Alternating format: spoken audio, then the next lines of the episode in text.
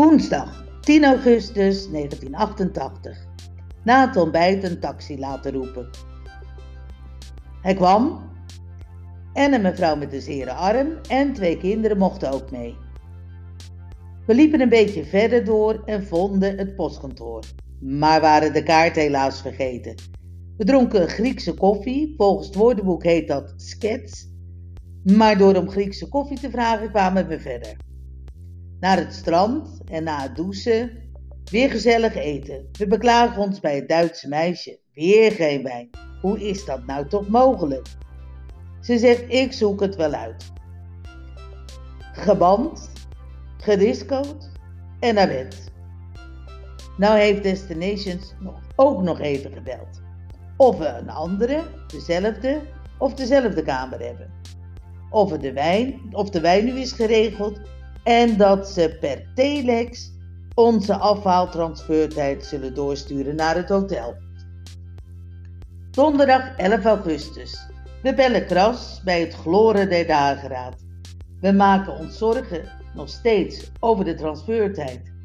In het laatste telefoongesprek van Destinations zei ze dat we samen met de andere party van Kras zouden worden afgehaald. Dat was wel zo gezellig. Maar die vliegen met KLM en drie uur later. Ja, dat weet Kras niet. Destination ook niet. Wij wel. Kras zal contact opnemen met hun agent. Dagje strand, lekkere sandwich. Het Duitse meisje heeft het geregeld met de wijn. En zelfs bij de self-service mogen we er een gratis halen. Dat doen we natuurlijk. Koud buffet, in afzondering rondgangen, gratis wijn en slapen. Zij het heel slecht. Omdat ik rond de grote kerk in Noordwijk binnen een hardlooprace moet doen. Toen ik iemand moest vervolgen of zelf vervolgd werd, Ellie werd als supporter er wel wakker van. Vrijdag 12 augustus. Geen telefoontje. Geen telek. Niets. Nog speciaal nagevraagd bij de balie? Nee hoor, niets. Een taxi gebeld. Later, later worden er al vlot staat onze eigen chauffeur voor de trappen. In Lavrion. 17.000 drachme gehaald.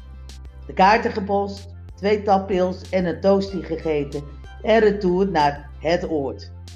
Badspullen en naar het strand. Statiegeld weggebracht, om vijf uur terug in de kazerne. Nog altijd geen bericht. Om zes uur nog maar eens een keer een uurtje gaan slapen.